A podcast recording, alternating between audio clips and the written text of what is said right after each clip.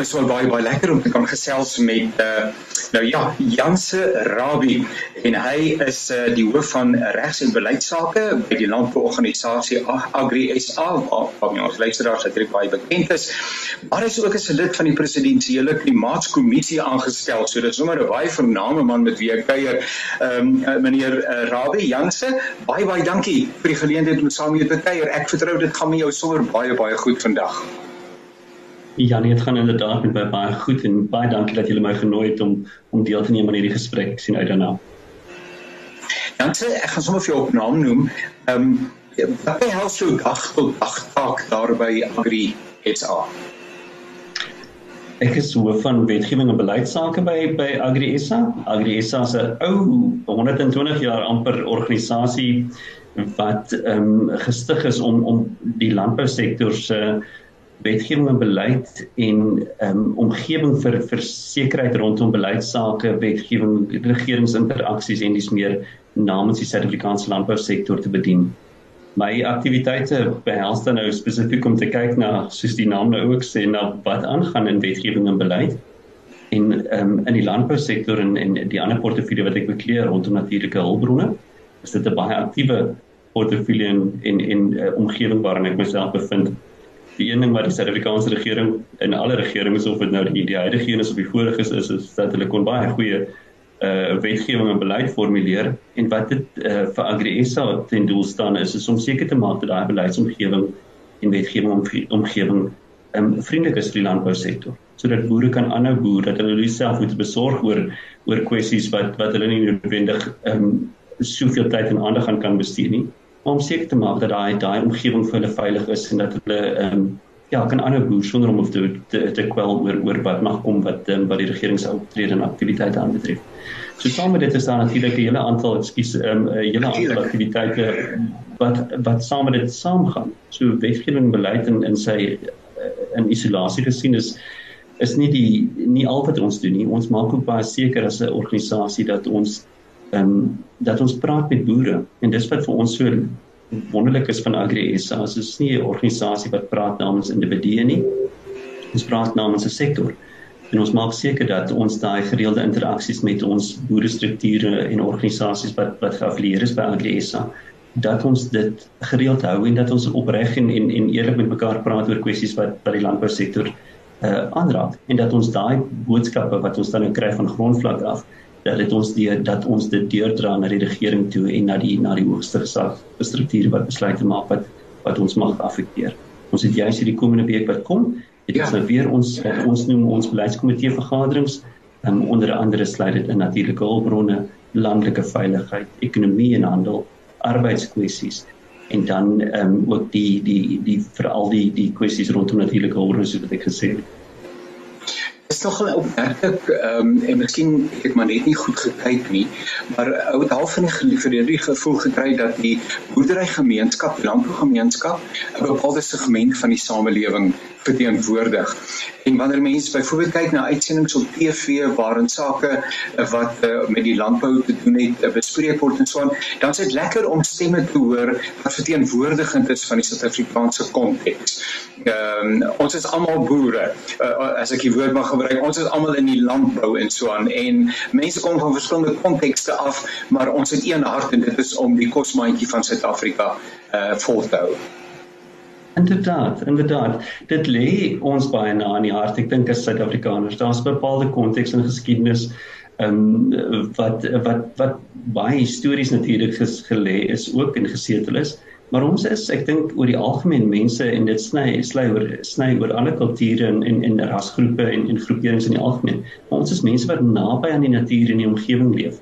Ek dink daai daai ons voel onsself en ons ons het daai vermoë dink ek meer so miskien as ander plekke in die wêreld om onsself te te assosieer en te te vriendselfig met met boerdery en met boere dan nou spesifiek.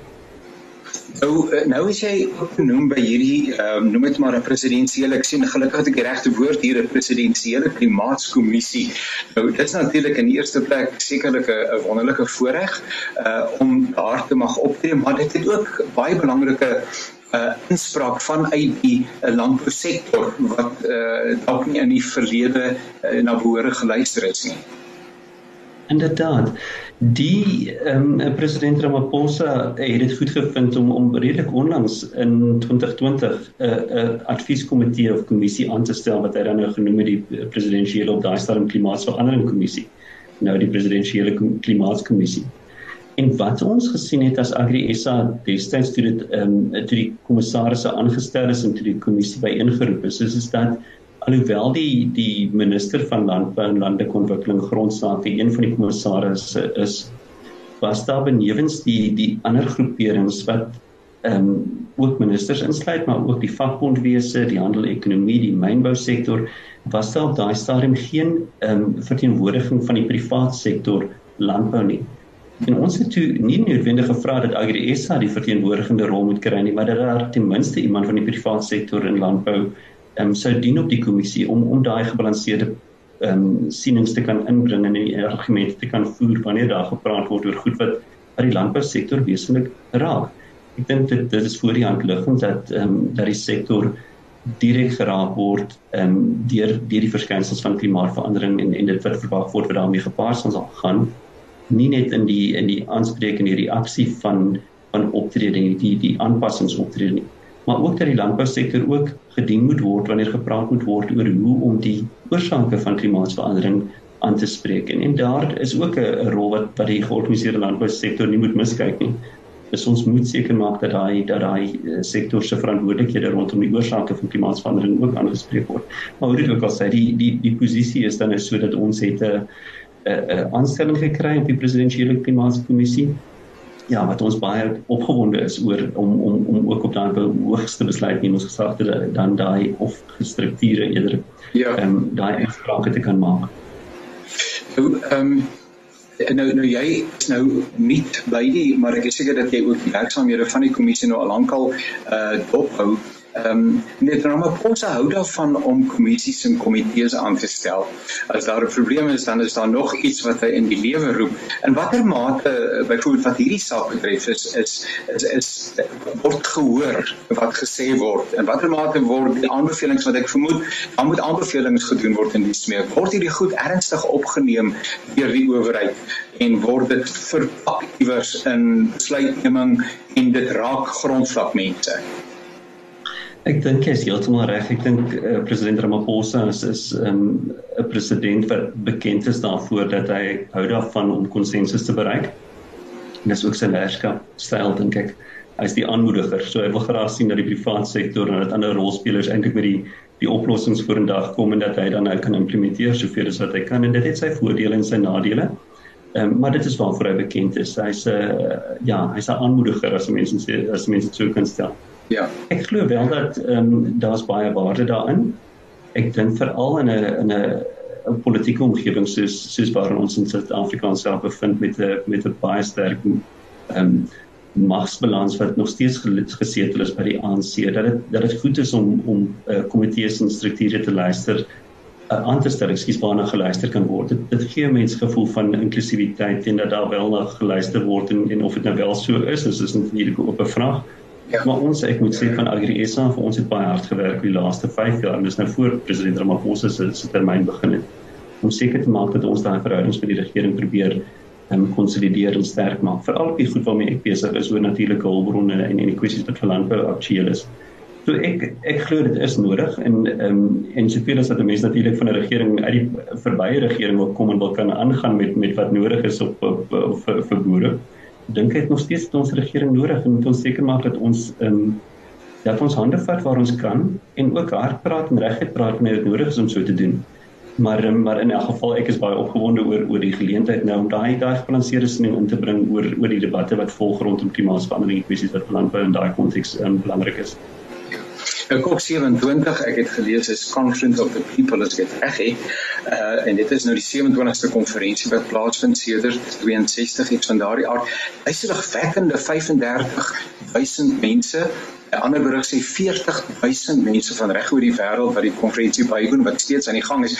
Ek bedoel as ek net dink aan die logistieke om so 'n konferensie te, te fasiliteer, uh mense om dit is dit dit moet 'n enorme uitdaging wees. Ehm um, nietemin 35 na 40000 mense, uh leiers van 99 lande van die wêreld as ek dit reg het en dis meer ehm um, en dit word nou in Egipte gehou, uh blykbaar in 'n kleinerige omgewing, maar maak nou nie saak nie. Ons sal nou by Egipte uitkom. Maar maar jou indrukke, jy is nou nie fisies by die konferensie uh, betrokke nie, maar jou oor is absoluut op die grond en uh en jou oë is in die nuus en uh en en en jou gedagtes rondom hoe die konferensie so ver verloop het. Ja, ek dink die die werklike werk in die kommissie dink ek uh, wat sigbaar is is dit wat die regeringsleiers wel doen. En ongelukkig het hierdie uh, vergaderings in die verlede en ek dink tot 'n mate seker hou dit aan, het hulle 'n bietjie van 'n ehm um, ja, ek dink die persepsie begin kry dat kry as as jy 40000 mense het, hoeveel kry jy werklik gedoen? Hoeveel is dit wat werklik moontlik is om om uitvoering te gee? En as 'n mens wel kyk na en en kan kan sif of die ja, die koning van die kaf kan skei rondom wat plaasvind by die by die konferensie, dan moet jy werklik mooi kyk na goed wat plaaslik wat nou gebeur het in die in die in die eerste week van van die vergadering. En dis waar die regeringsleiers daadwerklik 'n plan op die tafel gesit het om seker te maak dat daar wegbeweeg word van ehm um, afhanklikheid van fossiel uh, energiebronne uh, wat wat natuurlik die grootste bron van of oorsaak van van klimaatsverandering dan nou eintlik is. So daar gebeur uh, die die die logistiek soos wat jy sê is inderdaad 'n geweldige uitdagende ehm um, omgewing om werklik sinvolle insprake te kan maak oor beleidsposisies oor daadwerklike ontwikkelings en en daadwerklike goed wat nodig is.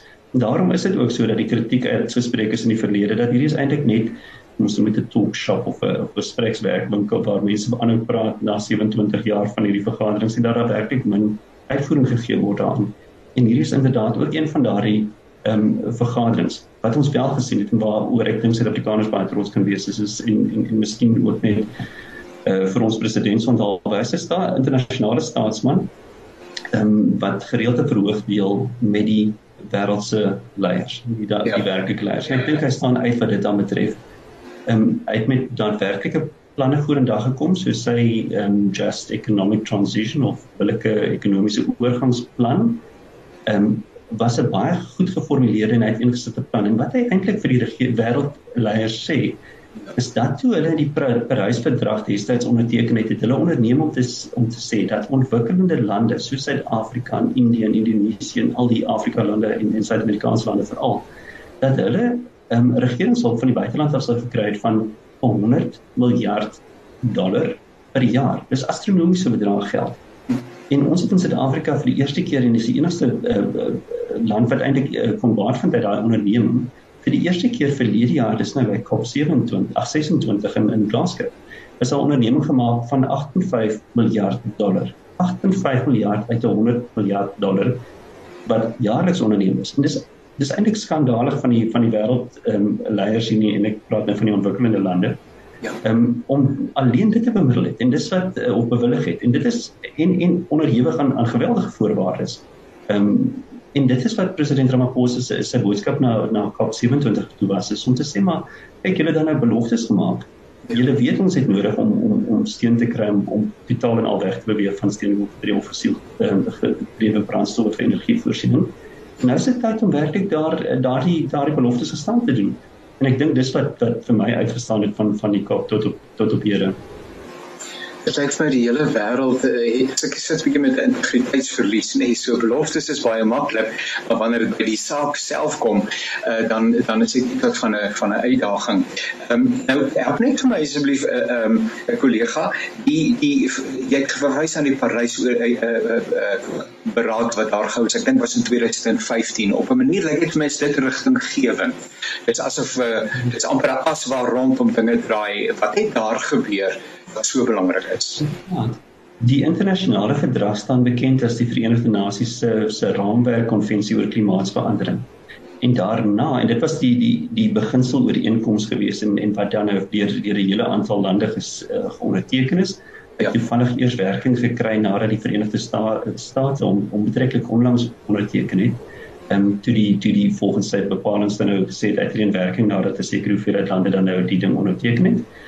En direk daarna by by in in Parys was daar toe nou addisionele ooreenkomste gewees deur al hierdie lidlande van die verdrag self om te sê dit is nou wat ons op die tafel gaan sit om werklike veranderings te te kan maak. Dis ook die geleentheid gewees waar die eerste keer melding gemaak is van hierdie 1,5 grade Celsius verhoging teen 2030. Ehm um, en daarna Ehm um, so daar was die die geleentheid by die Parys verdrag gewees om om, om spesifieke goed uh, neer te pen om te sê maar hierdie is dan nou wat ons nou in die in die toekoms nou graag wil doen en sien sien gebeur.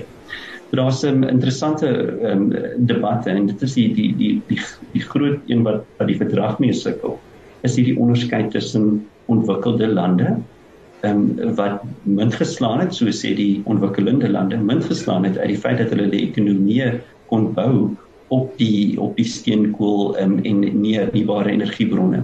Nou verwag hulle van van lande wat ontwikkel en in 'n ontwikkelingstraject staan waar hulle nog steeds geweldig moet steun op op op goedkoper energiebronne soos steenkool soos in Suid-Afrika die geval is in Indië en ander plekke. Ehm um, en dat hierdie hierdie twee spalt eintlik homself nou begin uitleef en sê maar hoe is dit dat julle nou van ons verwag dat ons ehm um, moet begin baie duur materiale toepas terwyl jy min gestaan het vir vir 'n hele industriële revolusie tydperk van van 150 na 200 jaar. Ehm um, ja. en nou verwag dit ons dieselfde moet doen.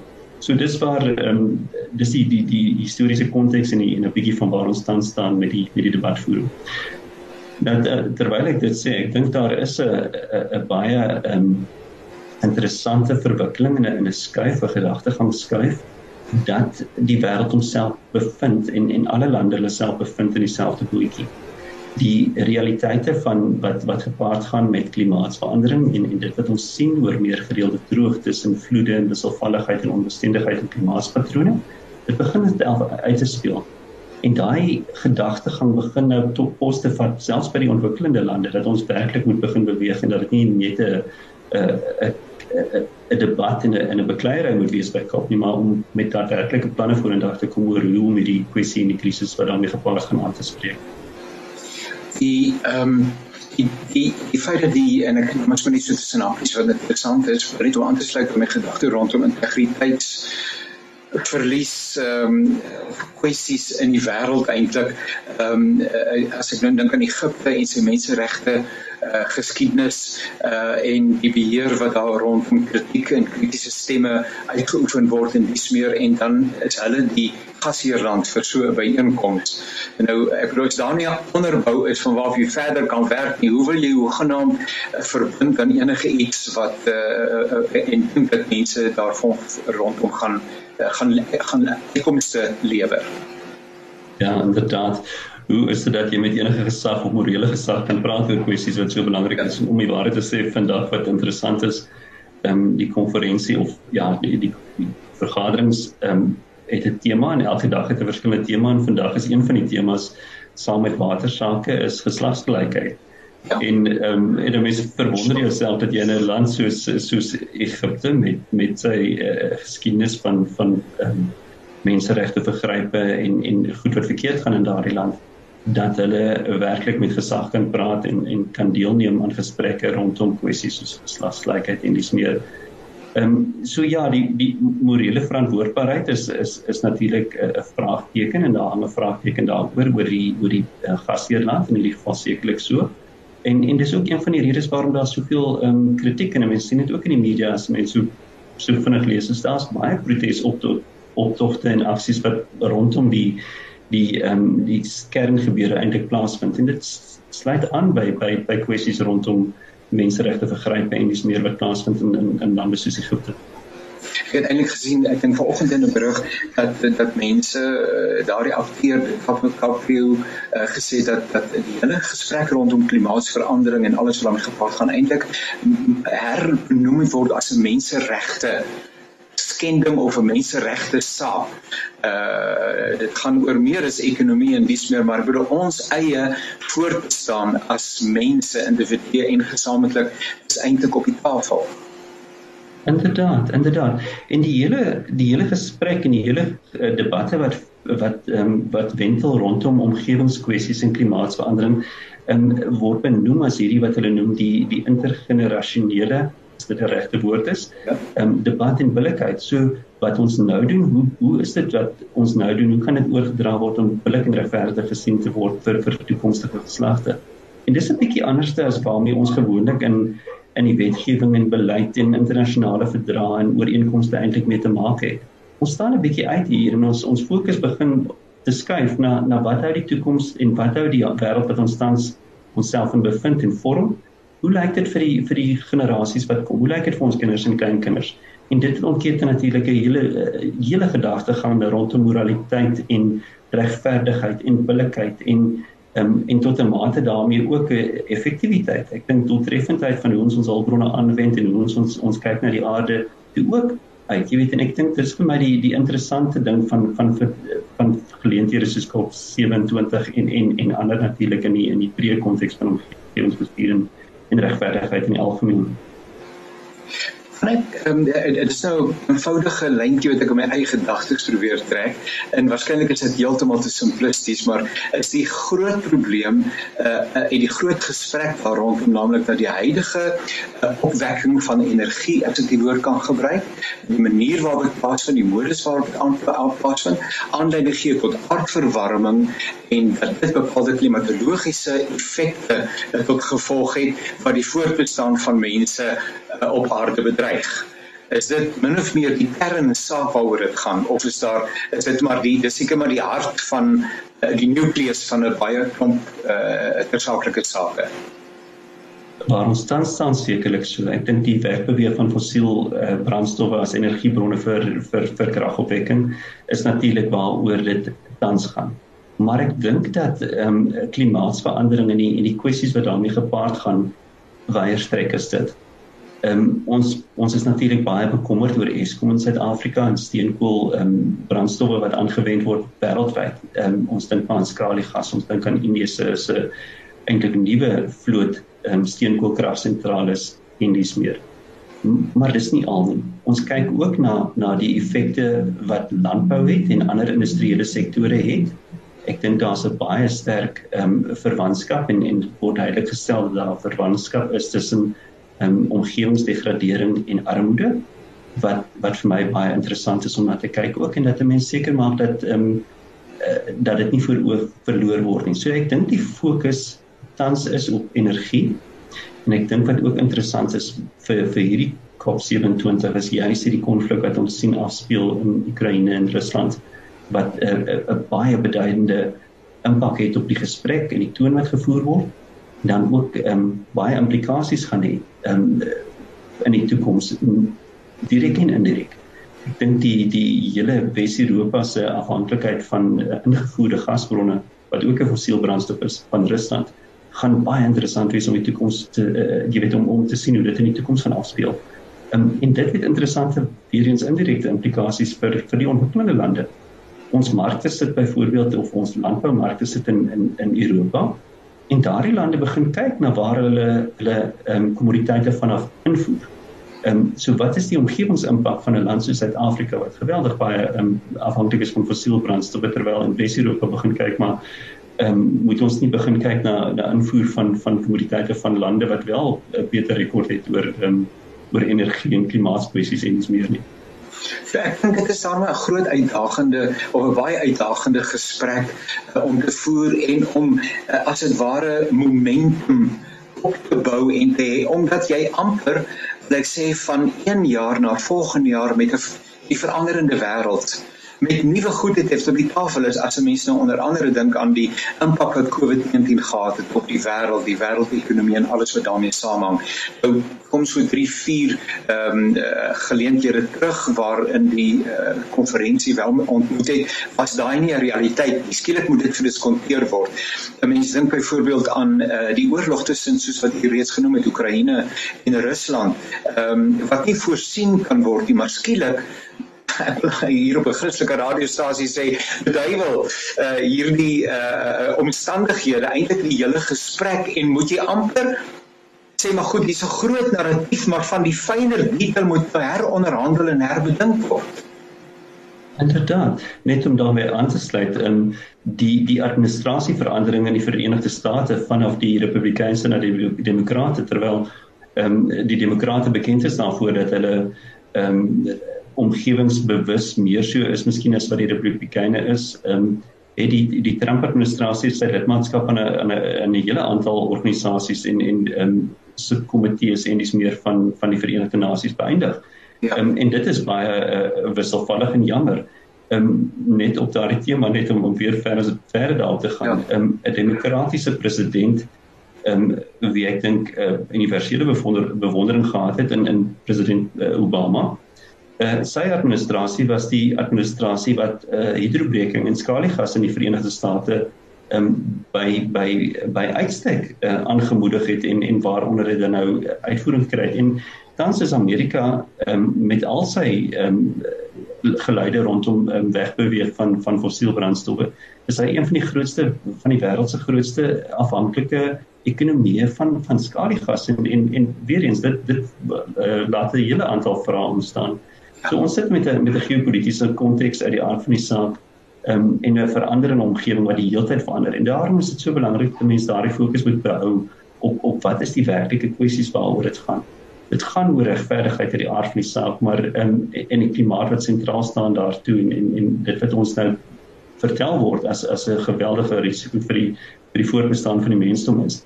Um, en 'n mens moet daardie daardie um, die gewigtigheid van sekere uitdagings en die en die komende krisis wat wat voorspel word, moet mense begin afweeg teenoor wat tans in die in die onmiddellike omgewing en in die onmiddellike ehm um, uh, konteks waarin ons self bevind wat afspeel daar. So so om daai volhoubaarheid te probeer deurvoer vanaf ehm um, en weg te kan kan te kan onderskei ieder van van wat nou in die wêreld gebeur teenoor wat werklik voor oë gehou moet word vir die volgende 20, 30 jaar. Dit is waar die uitdaging lê.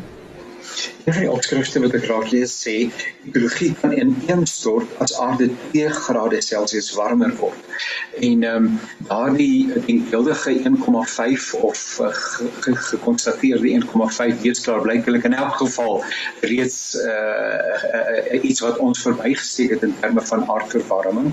Ehm um, uh, nie vir ons 'n bietjie uh, ont ontpak ontpak ehm um, wat die krisis is watter impak sal dit hê byvoorbeeld op op mense se bestaan. Maar blyklik sal mense in groot hoeveelhede moet trek omdat hulle in die omgewing waarbinne hulle is vanweë verskillende faktore. Help bietjie net met 'n bietjie inligting rondom daardie die die die die krisis, die krisis wat aan die broei is. Ja, kyk, die, die interessante ding wat voorspel word en dis nou wetenskaplike analises eh, wat ja, wat baie keer bo my my kapasiteit gaan. Maar wat die wetenskap vir ons sê is is dat hierdie uh 2 grade Celsius verhoging in die temperature van die aarde 'n um, wesenlike en grootskaalse rampe en risiko en veranderings inhou. Toevallig vir die Sub-Sahara kont 'n uh, gebied waarin ons self bevind word daardie um, geantisipeerde veranderings word eintlik ehm um, vermenigvuldig met 2, so dis dubbel so hoog. Die die impak deur die temperatuurverhogings die effekte daarvan. As jy dit neem saam met die feit dat uh, ons in Suid-Afrika een van die 30 droogste lande is volgens reënval, dan is dit 'n onmiddellike krisis, 'n aanduiding van van probleme wat kom. So droogtes, veldbrande, ehm um, groter uh, en en meer wisselvallige reënpatrone en ons sien dit eintlik al tot 'n groot mate al reeds in die oostelike en noordelike gedeeltes van die land waar waar ons vloede uh, en meer gereelde en ek dink dis miskien die die, die sleutelpunt is is dat dit gaan oor oor on onbe, ja, onbestendige, onbeplan voor wat is die regte woord om om ja. dis onmoontlik om te beplan vir die wisselvalligheid wat ons antisipeer wat gaan kom. Ja. Ehm um, die uitbreek van van siektes en peste. Ehm um, dit moet mense nie voor oë hou nie. Ek dink ons is besonder bekommerd in die landbousektor rondom ehm um, hierdie kwessies van van siektes, biosekuriteit, ehm um, nuwe pesuitbrake wat wat op plekke en tye uitbreek wat ons nie gevind het nie. Ehm um, die feit dat ons in in, in plekke wat ongekend is, byvoorbeeld malaria begin sien. Ehm um, dit is dit is geweldig bekommer 'n uh, bekommernis vir vir ons in Suid-Afrika oor hoe om daar te, te te reageer en wat ons daaroor moet sê.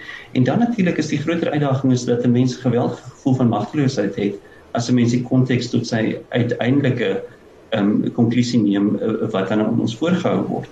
En vir die landbousektor spesifiek dit is is dat ehm um, en en een van die kwessies wat ons graag wil inbring in in die in die werk wat ons gedoen op die presidentsiële kommissie is is dat landbou geweldige geleenthede vir oplossings ehm um, daar's 'n dis 'n belangrike sektor in die Suid-Afrikaanse gemeenskap wat wat oplossings aanbied ehm um, vir 'n klomp dinge. En waaroor ons besonder bekommerd is, is wanneer daar byvoorbeeld goed gesê word soos um, ons sal 'n streep deur landbou moet trek vir groot gedeeltes van die westelike deel van die land. Ons kan dit eenvoudig nie sê nie. Ehm um, ek dink die die die die land en die sektor en die, die streek waarin ons osself bevind, ehm um, sou ons settend ehm um, blootgestel wees aan aan kwessies soos hongersnood en en dis meer in sosiale en sosio-ekonomiese impakte sou dit sou wees dat landbou net afgeskryf word. En dis wat ons graag wil sien moet verander word. Daar is oplossings um, tegnologies andersins um, in die manier waarop geboer word en ek dink daar's 'n geloofselement ook wat baie betrokke is en en wat nodig is wanneer ons na hierdie groot eintlik astronomiese krisis as mense nou um, na luister na wat die voorspellings is hoe om dit te hanteer en daarop te reageer. Is interessant dat jy nou net daar verwys want eh, ehm uh, um, in teologies sou mense sê dat die groot opdrag of die groot opdrag in die kultuuropdrag uh, wat die Here reg aan die begin aan die mens gegee het was om hierdie wêreld uh, op te pas en om verantwoordelike en verantwoordbare rentmeesters te wees. Uh, ons het nie baie goed gedoen daarmee nie en dan die teks in Romeine wat sê die aarde roep uit met die versigtings van 'n vrou wat in barensnood is, nê, nee, en vra waar is die kinders van God uh, en hulle getuienis en uh, en hulle toetrede en alles wat daarmee saamhang. Ehm um, 'n mens kan nou sê maar ehm um, uh, na Radio Kansel se luisteraars, Kaapse Kansel se luisteraars, ek is uh, ek's maar 'n gewone ouetjie. Ek werk in die staatsdiens diens. Ek is 'n uh, onderwyser. Nou mense kan natuurlik 'n sensitisering doen in die sfeer van ehm um, uh watter rol kan ek speel? Ek bedoel daar word gepraat van 4 tot 7 duisend miljard uh, sy rand het as dit dalk dollar maar in elk geval ek glo die bedrag is buite jou verwysingsraamwerk selfs meneer Zuma sal dit nie kan uitspreek nie. Ek glo so sulke groot bedrag is dit. Ehm um, wat rol kan ek nou speel? Wat 'n verskil kan ek maak te midde van my stryd om net te oorleef met 'n uh, uh, produk wat van dag tot dag eenvoudig net duurder en duurder word net so moet die lewe aangaan. Help ek asseblief die Janse Ja. Gewone mense sê wat kan ek nou doen? Ja, dis inderdaad die die die groot vraag en om seker te maak mens word nie oorweldigheid en oorweldig deur 'n gevoel van magteloosheid rondom kwessies wat vir jou voel totaal buite jou beheer is. Ja. Um, ek is 'n kind van die Here. Ek um, ek glo dis 'n belangrike rol vir elkeen van ons om seker te maak dat ons doen wat ons kan, so goed as wat ons kan, dat ons bewus is dat ons sekere ehm um, waardes um, in ons kinders inbring en, en in ons dag tot dag lewe seker maak dat ons die die beste doen wat ons kan.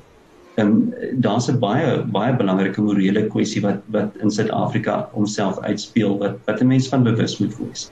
Ehm um, ons sit in 'n in 'n samelewing wat met geweldige verdeeldheid en en armoede teenoor geweldige rykdom ehm um, is en en daai moraliteitskwessie is iets wat 'n mens vir homself elkeen van ons moet uitmaak. So my gevoel is natuurlik doen wat jy kan. Doen selfs al lyk dit min doen wat jy doen. Jy kan tel daai papier op as jy werk toe stap of iewers heen stap en jy sien dit selfs daardie klein dingetjies is is um is belangrik. Um ons gaan moet seker ons ons kan nie blind in hierdie situasie instap en en weet hier's 'n hier's 'n komende krisis wat aan ons voorgehou word en en net ons kop in die sand steek nie. Dan dink ek en en ek dink um van jou kollegas Jannie ehm um, Ernst Konradi en die Smeer het al baie daaroor geskryf en ek dink een van die goed wat vir my baie bygeval het en en vir my getref het toe ek dit raak gelees het, is, is dat ons as Christene kan bid. En ek dink dis wat ons anders te doen is wat as ander lede in die samelewing en die sektor doen baie keer en en en, en ja, natuurlik is gaan dit saam met met met sinvolle en slim besluite en en, en besluite moet. Ons kan bid vir ons land, ons kan bid vir ons omgewing, ons kan bid vir ons mense. Um, en ons kan bid dat die Here ons ons veilig sal hou. En dit is vir my die een van die van die goed wat uitstaan van en wat vir my ehm um, berusting en en gemoedsrus gee is dat uh, ja de, ons ons hoef nie noodwendig bang te wees nie. Ons moet nog steeds ons verantwoordelikhede uitoefen, daai rentmeesterskap so goed as moontlik um, uitoefen. Maar ons moet ehm um, ja, ons moet die die regte dinge doen en en, en as jy 'n Christen is, bid. Dit dit is my ehm, 'n um, belangrike ding. My prof het altyd gesê is nie of of nie dis 'n en en benadering nê. En dit so aan die een kant natuurlik die geloofsperspektief en God is met hierdie wêreld op pad. My ander prof het gesê van die proton na die eskaton van die begin na die einde en uh, daardie uh, einde die sal hy ook in sy wysheid uh, sal uitspeel. Uh, maar intussen bly ons nog steeds by die skepingsopdrag, die kultuuropdrag dat ons hierdie wêreld met verantwoordelikheid sal bestuur en dat ons ek en, en soos jy sê, die klein dingetjies soos 'n kraan wat drup, soos 'n uh, lig wat onnodig skyn, ehm um, soos 'n papier wat rondlê, partykeer is wanneer ek loop en ek ignoreer die papier nou goed, ou wil nie alles optel nie want jy moet ook aan die higiëne dink en so aan en daar's nie 'n kraan naby en so nie, maar soms dinge maar die dingetjie optel en dit is asof die Heilige Gees sê nou as jy te smart om die papier op te tel, jy weet, ek bedoel so uh, ja, ons wag nou dat iemand anders moet verbykom. So ons kan in ons eie nou kring uh, kan ons inderdaad 'n verskil maak. Ehm um, Janse, Rabbi is so lekker om met jou te gesels. Baie baie dankie ook dat jy onbeskaamd jou geloofsvertrekpunt op die tafel plaas. En uh, sterkte vir jou werk daar by die presidensiële klimaatskommissie. Ehm um, sê tog vir meneer Ramaphosa as hy insit by een van daai vergaderings groete hier van Radio Kansel en Kaapse Kansel kante asseblief. Uh, dit sal goed wees. Uh, mag die Here ook vir jou daar want hy is ook met ons besig, nê? Nee? En mag hy ook in jou plasing uh, saam met die ander kollegas in daai spesifieke forum uh, baie betekenisvolle uh, bydrae na vore bring en uh, mag jy baie geseënd wees jy en jou mense. Groete aan almal daar by jou en uh, baie baie dankie weer eens vir die lekker saamkuier saam met jou. Baie dankie Janie, ek waardeer dit. Sien mense tot sins.